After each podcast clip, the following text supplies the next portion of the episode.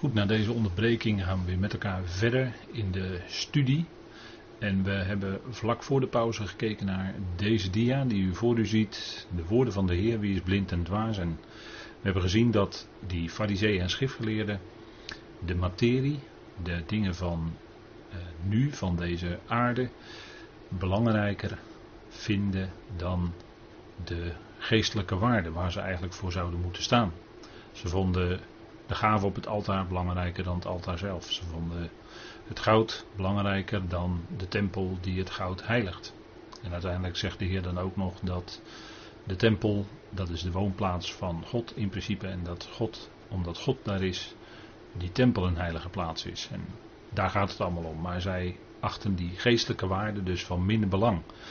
En dat zie je ook steeds in religieuze kringen, waarin men nadruk gaat leggen op allerlei gebruiken, gewoonten, die dan vooral volgehouden moeten worden, koste wat het kost. Ook al is de betekenis daarvan alweer weggesleten. Maar dan zijn de gewoonten en de gebruiken en de dagen en de vaste tijden zijn belangrijker geworden dan waar het werkelijk om gaat. Dat is God zelf, zijn woord, zijn Christus. En die gekruisigd, en daar staan we natuurlijk nu in bijzonder bij stil, Colossense 1 vers 20 spreekt over het bloed van zijn kruis, dat daardoor vrede is gemaakt. En het kruis spreekt van de schande, de verachting, de vernedering die hij moest ondergaan om die zonde van de wereld te dragen. En hoe erg dat was met die wereld, dat hebben we gezien met elkaar toen we Romeinen 3 lazen. En daarin spreekt Paulus vanuit de nacht toch heel duidelijk over hoe dat zit met die mensen. En dat als je dat mensen voorhoudt, ook gelovige mensen, dan vinden ze dat niet fijn. Dat willen ze eigenlijk liever niet horen. Maar de mens in zichzelf is een doelmisser en staat er niet zo best voor. Er is niemand rechtvaardig, maar het evangelie zegt dat door zijn geloof hij die weg is gegaan via het kruis en daardoor is die rechtvaardigheid van God kan toegerekend worden aan u en mij. En dat, is ook, dat doet God ook. We zijn gelovigen. Hij geeft ons geloof. En het is om niet, we zijn gerechtvaardigd, om niet in zijn genade door de vrijkoping in Christus Jezus. En dat is bewerkt via die diepe vernederende weg van het kruis. En daarom schrijft Paulus ook, als we kijken naar de volgende dia, dan schrijft Paulus ook in 1 Korinthe 1 vers 23, en u ziet het hier staan, wij echter verkondigen, en dat is eigenlijk als een heraut, hè, wij echter verkondigen de gekruisigde Christus. Voor Joden inderdaad valstrik, voor de natieën echter dwaasheid. En heb ik eronder gezet, het evangelie van genade en vrede is gebaseerd op zijn kruisiging. Dat zouden we nooit vergeten. Genade is fantastisch en dat blijven we altijd zeggen. En genade is echt genade, omdat het gebaseerd is op zijn kruisiging, op zijn kruisdood, waarin hij uiteindelijk uitriep: Het is volbracht. En op basis daarvan is er genade. En genade wil zeggen: het is gratis. Het is echt helemaal voor niks. Het is door zijn werk. Je kunt er niets aan toevoegen. Ook niet als gelovige. Al die dingen die wij kunnen doen als gelovigen. En Paulus heeft enorm gearbeid. Meer dan de andere apostelen van de besnijdenis. En Paulus was de apostel natuurlijk van de natieën. Maar Paulus had meer gearbeid. Hij had meer werk verricht. En dat kon omdat de genade van God in hem werkte. Niet omdat hij dat uit zichzelf kon toevoegen als werk. Nee, die genade van God die werkte in hem. En hij predikte het kruis. Hij predikte een opgestane Heer. En voor, voorafgaand aan die opstanding was daar de smaad, was daar de vernedering, was daar die diepe gang. En daarom zegt hij ook juist tegen die vleeselijke Corinthiërs, en als we dat zo zeggen, dan bedoelen we echt niet met de vinger te wijzen naar die Corinthiërs, want wie zijn wij? Maar Paulus stelt vast dat die Corinthiërs nog vleeselijk bezig waren. En dat zij niet de eenheid in de praktijk uitleefden. De eenheid in Christus bedoelen we dan. Hè? De eenheid in Christus. En eigenlijk maakt Paulus al in dat eerste hoofdstuk duidelijk dat die eenheid in Christus Jezus is. Dat we zeggen in de gekruisigde en opgestane Heer. In hem is die eenheid. En die, die eenheid is geestelijk. Die kun je niet in het vlees bewerken. En daar waren die Corinthiërs wel mee bezig. Maar eenheid, ware eenheid van de geest, is gebaseerd op het kruis. Het kruis, de kruisiging van onze Heer, is de basis, de enige ware basis voor ware eenheid. De eenheid van de geest, die is er. En die zouden wij bewaren met de band van de vrede. En die eenheid is daar met al die gelovigen, waar dan ook, wereldwijd. Ieder die echt oprecht gelooft dat Jezus voor hem of haar stierf en opstond. Stierf, hebben we het weer, hè? Stierf aan het kruis. Stierf en opstond.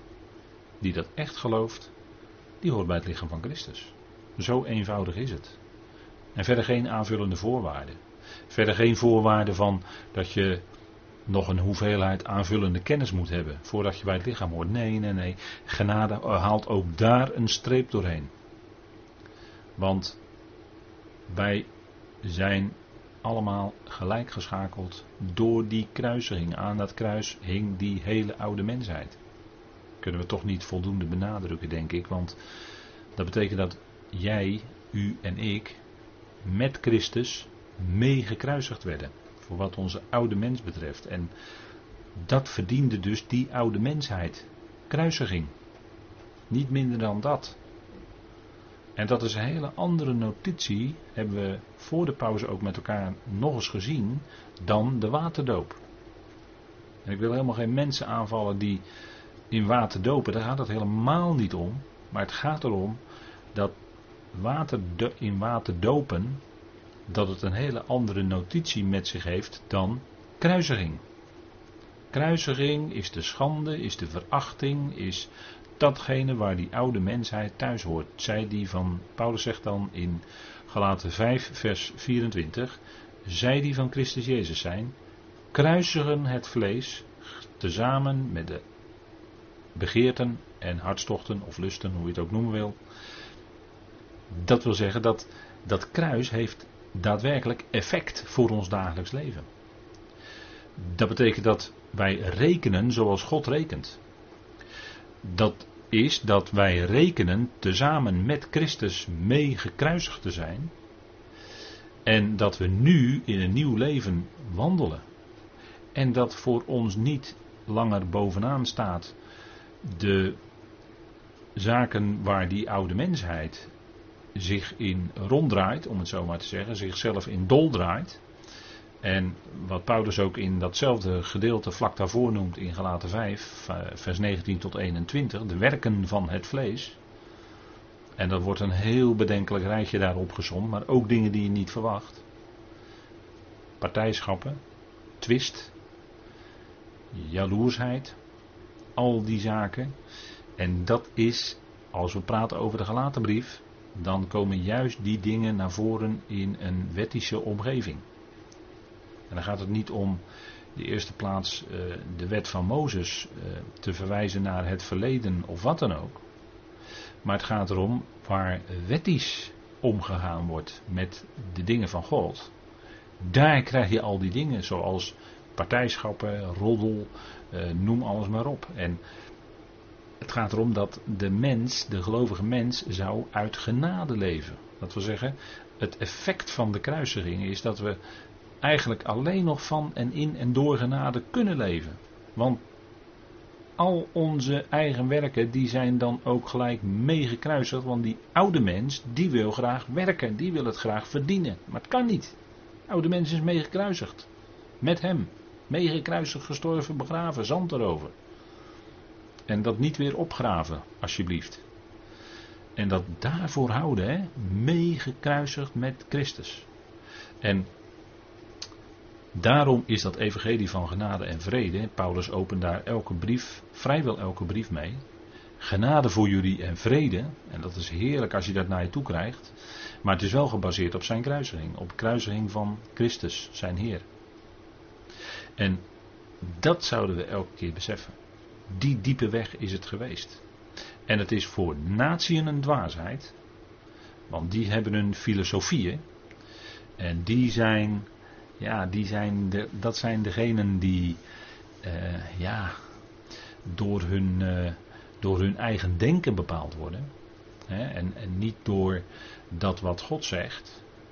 Nee, dat hebben we ook voor de pauze met elkaar gezien, dat de Heer Jezus daar voorbeelden van geeft. En dat het in acht nemen en het rekenen met Gods woorden heel belangrijk is.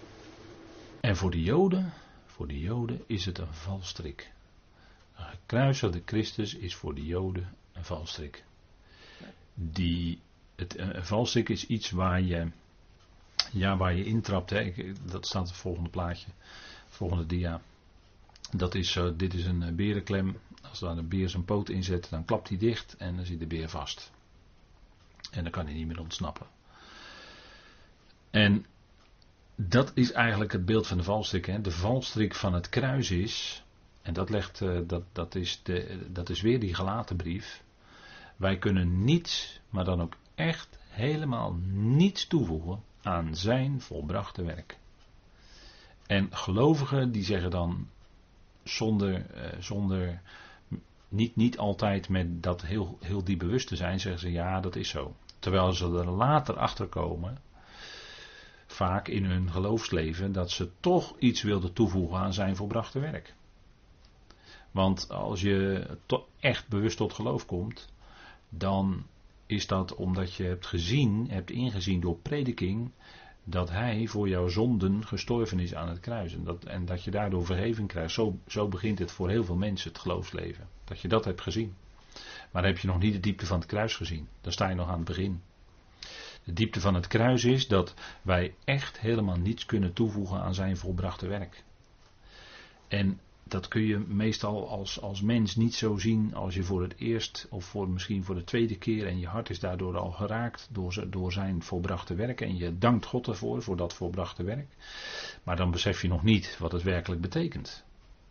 Dan ga je daarna steeds beter leren kennen wat van het vlees is en wat van de geest is.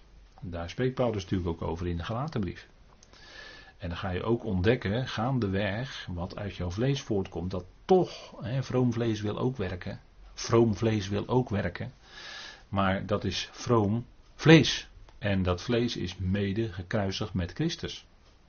Want kunnen wij iets in rekening brengen? Nee, ik heb het hier op deze dia ook gezet. Besnijdenis. Uh, doop in water. Het zij als kindje, het zij als volwassene. Um, goede werken. Dus heel veel inzet. Als je, zeker als uh, gelovigen, dat gebeurt als gelovigen, ze zijn zich bewust dat ze, dat ze een fout hebben gemaakt, dan willen ze dat ook net als uh, natuurlijke mensen compenseren door inzet of veel inzet. Maar dat is koehandel. Dan komen we weer bij die koehandel. Hè? Nee, als je een fout hebt gemaakt, dan zou je beseffen dat hij daarvoor gekruisigd werd. Christus. Jezus Christus werd ook daarvoor gekruisigd. Die fout die jij als gelovige hebt gemaakt. En dat je God kan danken dat je gerechtvaardigd bent om niet. En dat Hij je ziet onbeschuldigbaar. Dat je leeft in genade. En dat die dingen waarin je nog tekort schiet. En dat is soms pijnlijk. En je maakt fouten, dat is ook pijnlijk. En dat zijn leermomenten. Het zijn niet dingen waar, waardoor je dan iets, ineens wel iets weer op je konto wordt bijgeschreven. Dat, je weer, dat er weer een stukje, hè, dat er dan een stukje schuld ontstaat. Hè, er, zijn hele schuldtheologieën door ontwikkeld. Maar die kom je bij Paulus niet tegen. Bij Paulus kom je tegen dat God je opvoedt in genade. En dat hij zijn weg zo met jou gaat. En dat is te allen tijden in genade. Dus dat, hele, dat is dat ongelooflijk belangrijke vierde en vijfde hoofdstuk van de gelaten brief. Dat we leven in de vrijheid in de genade. En dat er nooit, maar dan ook nooit iets tot beschuldiging tegen ons kan worden ingebracht. Of moet ik dan Romeinen 8 aanhalen nog een keer? Romeinen 8. Wie zal beschuldiging inbrengen of wie zal een aanklacht kunnen inbrengen tegen de uitgekozenen van God? En dan kijken we rond in de hele schepping. En dan vraagt Paulus zich af, Christus Jezus? Nee, want dat is degene die uh, ons juist alles voor ons heeft overgehad. En, uh, en uh, zou hij dan ons, hè, hij is de, de gestorven en wat meer is de opgewekte. Zou hij? Nee, natuurlijk niet. Hij is juist degene die voor ons opkomt, die voor ons bidt. God, de rechtvaardiger, Zou die dan nog een aanklacht tegen ons? Nee, natuurlijk niet. De, alleen al de gedachte die even opkomt, die kun je gelijk dan weer ver van je weg, wegwerpen. Nee, er ontstaat niet een stukje schuld als je je doel mist, als je iets verkeerd doet als gelovige. Het is een leermoment. En we zouden leren van die dingen en, en met God die weg gaan. En, en God geeft dan de kracht om dan misschien een volgende keer die fout niet meer te maken. Want dat wil je als gelovige. Je wil dan die fout niet weer maken. En misschien gebeurt het toch nog weer dat je toch nog weer een keer die fout maakt. Terwijl je het eigenlijk niet wil. Dan ook dan leef je nog steeds in die volle genade. En in die volle liefde van God. Want geliefd is de mens. En zeker de gelovige mens, die is helemaal onafscheidbaar van de liefde van God in Christus Jezus. Niets kan je scheiden van die liefde. Niets. En alles wat onderweg gebeurt, dat zijn allemaal leermomenten waarin God als die grote pottenbakker jou kneedt en omvormt naar het beeld van de zoon. Dus ja, goede werken. Je kan met goede werken, het is fijn als je goede werken doet die God tevoren gereed gemaakt heeft. Die kunnen we nu al doen en straks ook zeker te midden van de hemelingen. En, en de, eh, later ook de rest van de schepping, in de rest van de schepping. Maar vooral de komende eonen te midden van de hemelingen. Goede werken doen, zeker. Maar dat is niet iets wat we op ons konto kunnen bijschrijven. Nee, dat was God die dat door ons uitwerkt. En is datgene wat jij gelooft? Maar ook je geloof, die teksten ziet u daar staan, Efeze 2 vers 8, geloof is een genadegeschenk. Filippenzen 1 vers 29 zegt dat ook. Geloof is een genadegeschenk. Dus datgene wat jij gelooft, is ook niet iets wat je kan toevoegen. Je kan ook niet zeggen, ik, ik eh, ben, ben, iemand die uh, veel uit de schriften mag weten, de geheimenissen en alles. Uh, dat, en dat geloof ik ook allemaal, maar dat kun je niet in rekening brengen. Dat is, dat is heel fijn, daar kun je God voor danken dat hij jou daar het geloof voor gegeven heeft. Nee, we kunnen niets toevoegen aan zijn volbrachte werk. Dat geldt ook als gelovigen. Blijft dat bovenaan staan. En dat is juist de valstrik van het kruis. Dat maakt echt een einde aan alle menselijke pretenties. Alles wat mensen zich kunnen pretenderen. En dat is het punt. En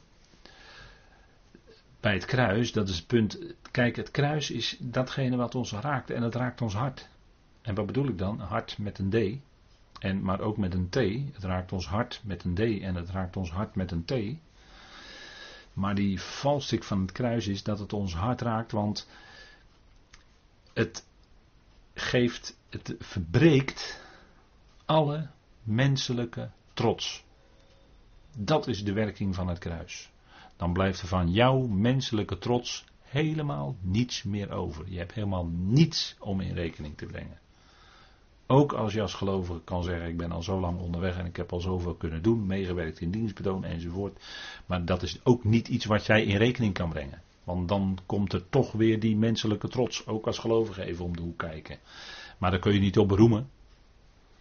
alle roem is uitgesloten, zeggen we. dat is een mooie slogan, maar zo is het wel. Het kruis maakt een einde aan alle roem van mensen. En roemen in mensen. Want dat is allemaal roemen op vlees. En daar waren die Corinthiërs mee bezig. En daar kunnen, voor je het weet, en eh, wijs maar niet met dat vingertje naar die Corinthiërs. Want voor je het weet ben je zelf ook zo bezig. En uh, de bekende uitspraak is van een, een, bijzonder fijne Bijbeluitlegger. Die zei ons, hè, onze kringen, wij die deze, de, de waarheden van de apostel Paulus mogen kennen, onze belangrijkste misser, onze belangrijkste fout is dat wij trots zijn. Want wij zijn trots op alles wat wij mogen weten. En veel andere gelovigen weten dat niet of nog niet. En dat zomaar ontstaat er dan in ons hart een klein stukje trots. Dat wij dat toch maar wel mogen weten. Het kruis maakt ook daar een einde aan. En daarom zei ik zojuist, het raakt ons hart met een D. Maar het raakt ook ons hart met een T. Want achter dat kruis, de, de, de motief achter dat kruis van God, is liefde. Uit liefde ging die zoon die weg. En uit liefde is God zo ver en zo diep gegaan met zijn zoon. Want ook God leed mee op Golgotha. Zo diep is het gegaan. Zo diep is het gegaan. En dat was uit liefde. Uit liefde voor u, jou en mij en voor die hele schepping. Voor al die schepselen. Want daar is Colossense 1 vers 20 mee bezig. Hè? De wederzijdse verzoening van het al. Dat houdt in alle mensen. Niemand uitgezonderd. Iedereen, al die mensen horen erbij. Dan zegt u, ik ook? Ja, u ook. En, en, en dat mogen we van harte God voor danken. Maar ook al die geestelijke krachten en machten. Dus ook de tegenstander, de tegenstander van God, die in het Hebreeuws wordt genoemd de Shatan, de, de Satan, die ook, ja, die ook. En Judas, ja, Judas ook, alle mensen, hè. We horen het in het Evangelie, alle mensen, dus ook Judas. En dus ook die dictator die u kunt noemen, hadden we het voor de pauze over, hè. Ook die, ook die. En het gaat niet zomaar zonder slag of stoot. Maar dat gaat via de grote witte troon. En er is wel eens vaker over gesproken. En misschien dat we in de studies openbaring daar nog aan toekomen.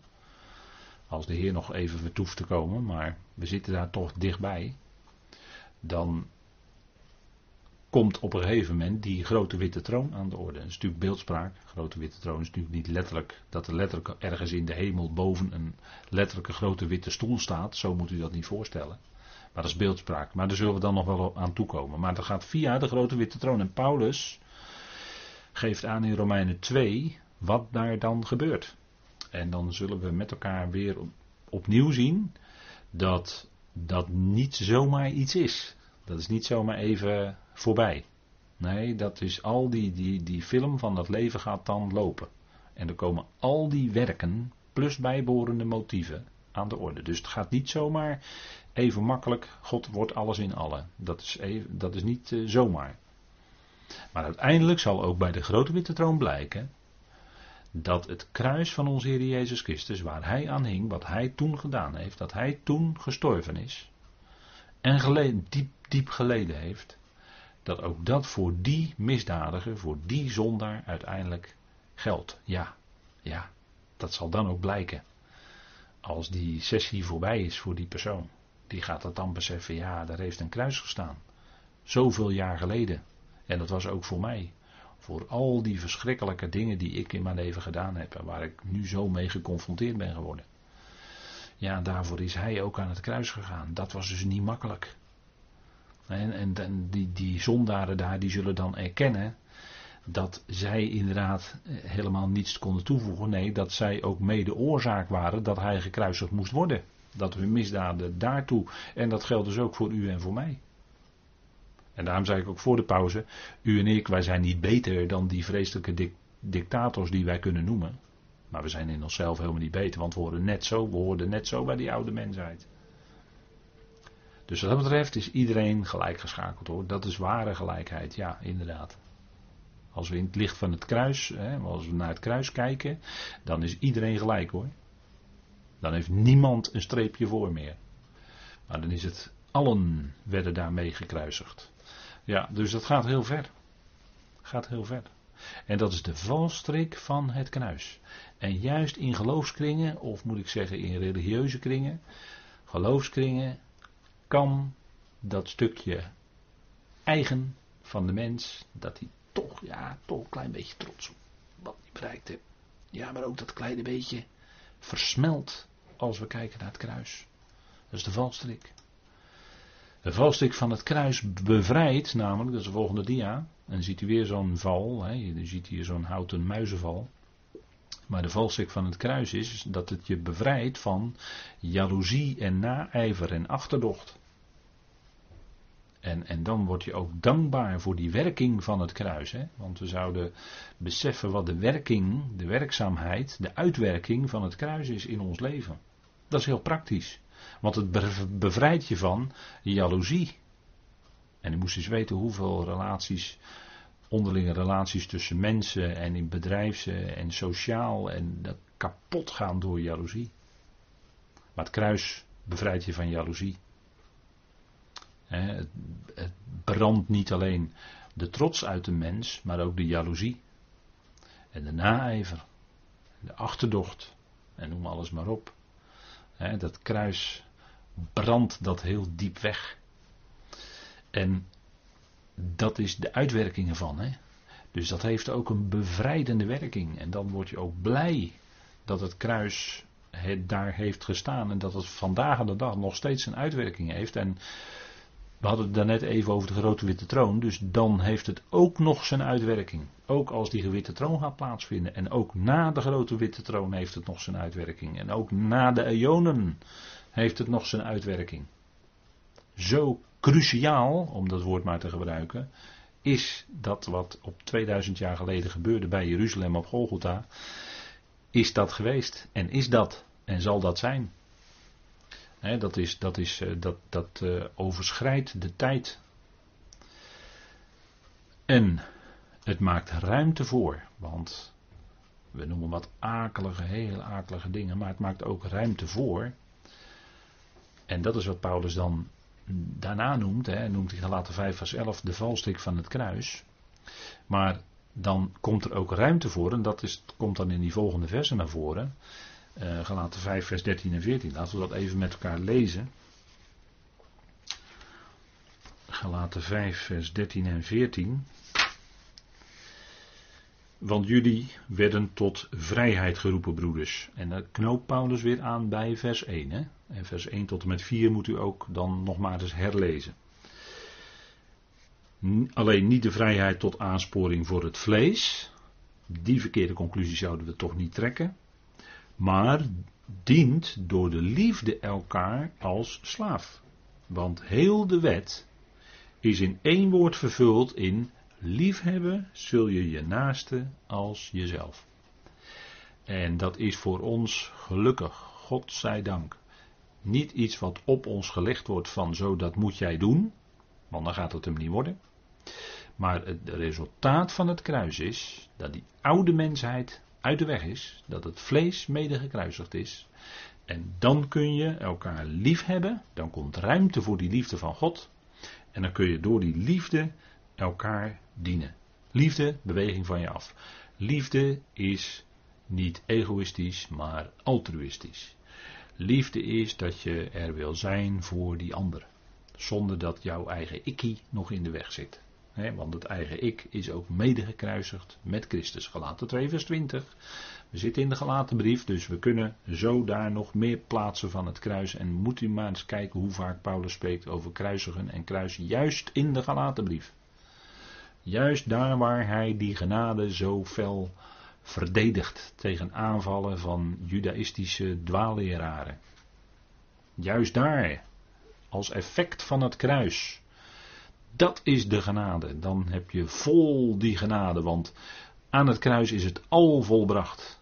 En daarna kan de mens niets meer inbrengen en dat is genade. Dan is het echt helemaal van God uit en is het voor ons, voor u, voor jou, voor mij. Wat een liefde. Hè? En dan kunnen we ook die liefde aan elkaar betonen. Want dan kunnen we die ander lief hebben zonder dat er ons bij iets, zonder dat er nog bij ons iets bij zit, dat we daarmee iets willen verdienen. Want daar maakt het kruis ook een eind aan. Dat hebben we gezien met elkaar. Dus dan komt er voluit ruimte om elkaar in liefde te dienen. En dat doe je dan belangeloos. Dan ga je begrijpen wat het woord belangeloos betekent. Gevolg van het kruis van onze Heer Jezus Christus, die daar aan gehangen heeft. Ja, dat is, uh, dat is een enorme uitwerking. Hè? Dus kijk, we zijn bezig natuurlijk met Colossense 1 vers 20. En dan zegt u, ja, wat blijven we lang hangen bij dat vers. Ja, maar dat is, dat is, dat is de kern. Dat is waar het om draait. En dat, dat strekt tot zegen, hè, de, want die hele Colossensebrief is daarna doortrokken van de uitwerking van wat daar gebeurde bloed van zijn kruis. En dat hij daar stierf. En later ook natuurlijk heerlijk opgewekt werd op de derde dag. Maar daar is het gebeurd. En dat, heeft, dat, dat strekt dan tot zegen. En Paulus werkt dat dan helemaal uit in die Colossensebrief. Wat dat dan betekent. Hè, voor die nieuwe mensheid. En dat je, hè, als we het hebben over Colossense 3, dat je En een aantal dingen, eh, innerlijk mededogen, medelijden met elkaar hebben, elkaar helpen enzovoort. Maar dan zegt hij, doet over dit alles heen, de band, doet over dat alles heen de liefde, als de band van de volkomenheid. En dan kun je elkaar echt in volle liefde dienen. En dat is natuurlijk heerlijk, hè. Nou, daar komt dan ruimte voor. Gevolg, hè. En Paulus zegt nog iets in Galaten 6 over die, uh, die, die, dat contrast, die tegenstelling. Hij zegt, wie er ook goed willen uitzien in het vlees, deze noodzaken jullie besneden te worden. En in, in dat geval, Paulus noemt hier besneden te worden, omdat dat ook daar speelde. Dat er mensen waren die dat zeiden. Maar je kunt dat besneden worden, hè, als we dat even praktisch invullen. Kunnen we dat ook invullen met mensen die goed, hè, willen, goed uitzien in het vlees. Die noodzaken jullie, en vult u, vult u dan maar in wat gezegd wordt. Dat je aan bepaalde dingen moet houden, dat je je in water moet laten dopen, dat je uh, bepaalde dagen moet houden, dat je elke week dit of elke week dat, of dat je elke dag zus of zo moet doen, of dat je. En vult u het maar in, hè? Wat er allemaal in religieus opzicht aan verplichtingen opgelegd kan worden. Dat valt allemaal om, onder dat besneden te worden. En dat is opdat zij, de Judaïsten in dit geval, niet voor het kruis van Christus Jezus vervolgd worden.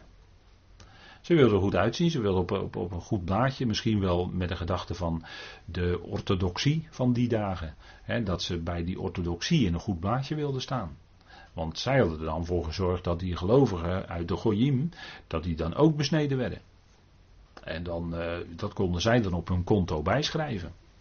En dat kun je natuurlijk ook anders invullen. Hè, dat uh, zij uh, later in, in, in geloofskringen, dat, dat er misschien wel mensen zijn geweest die gedacht hebben, nou ik heb zoveel kindertjes met water besprenkeld of gedoopt. Hè. Ze noemen dat dopen, het is eigenlijk besprenkelen natuurlijk. Maar dat ze dan zoveel kindertjes hebben gedoopt tijdens hun bediening. Of dat ze dan zoveel mensen als volwassenen hebben gedoopt in water tijdens hun bediening. Of dat, is, dat ze zoveel mensen tot de Heer hebben gebracht. Dat is allemaal goed eruit willen zien naar het vlees. Dat is allemaal, waar we het net ook al over hadden, iets in rekening willen brengen. Menselijke trots. En punt is dat ook hier dat kruis weer naar voren komt, omdat zij niet voor het kruis van Christus Jezus vervolgd worden. Want dat is de positie van de gelovige die de Heer volgt, die het evangelie van Paulus volgt. Dat is een positie die vaak eh, vrijwel altijd vervolging oplevert. Dat er door anderen op je neer wordt gekeken, of dat je in een hoek wordt gedrukt, of in een hoek wordt gezet, of hoe dan ook maar.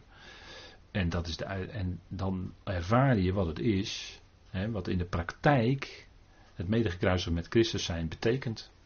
Dan word je dus ook veracht. Schande wordt er over je gesproken.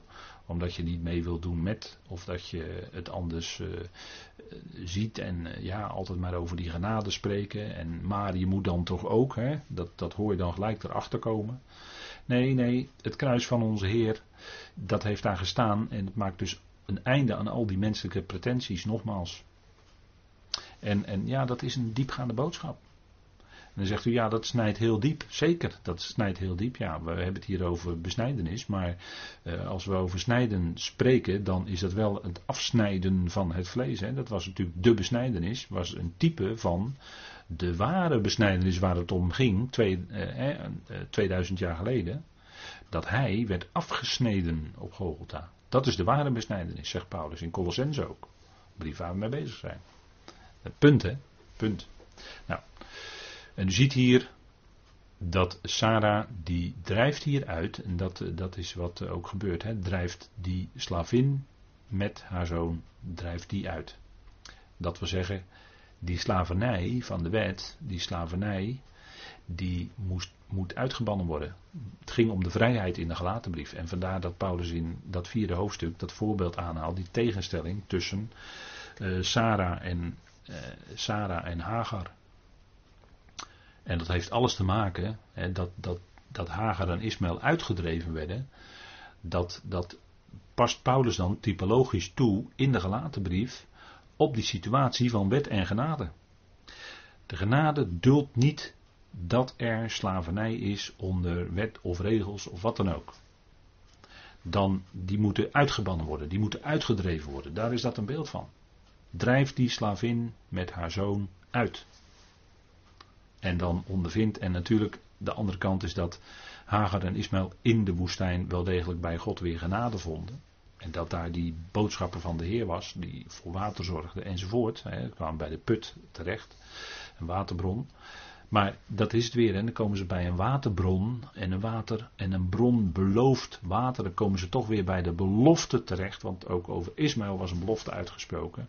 Maar dan komt dus ook weer die genade. Want belofte is, hè, de genade is altijd in de belofte. Niet in de werken. Nou, dat is, die hele kwestie speelt in de gelatenbrief. Moet u die studies nog maar eens erbij pakken. Hè? Gelatenbrief lezen. Het is in helemaal niet zo in de eerste plaats dat u eh, de, studies moet beluisteren of zo. Nee, lees dan die gelatenbrief. En, en biddend, hè, dat vierde hoofdstuk. En, en vraag dan de Heer of hij duidelijk wil maken wat daar bedoeld wordt. En als u wat verdere toelichting wil, nou, kunt u ook studies van de gelaten brief beluisteren. Maar dat is niet de essentie. Essentie is Gods woord zelf. Lees dat biddend. En daar gaat het om. Nou. En dan mogen het mij nu niet gebeuren, zegt Paulus dan aan het eind van de gelaten brief, mij te beroemen. En nu gaat het over roemen, hè, daar hadden we het net al over. Tenzij in het kruis van onze Heer Jezus Christus, waardoor de wereld voor mij gekruisigd is, en ik voor de wereld. Dus dit kruis heeft een enorme praktische uitwerking. Paulus kwam uit die wereld van het judaïsme, kwam uit de wereld van het jodendom. En dat, dat verwijst hier in feite naar het kruis, want dat is, uh, dat, dat is weg. En leest u Filippenzen 3 maar, hè? Die, uh, die, die indringende woorden, Filippenzen 3, dat eerste gedeelte, spreekt hij over zijn eigen uh, opvoeding en alles. En dat acht hij schade en drek schade en drek.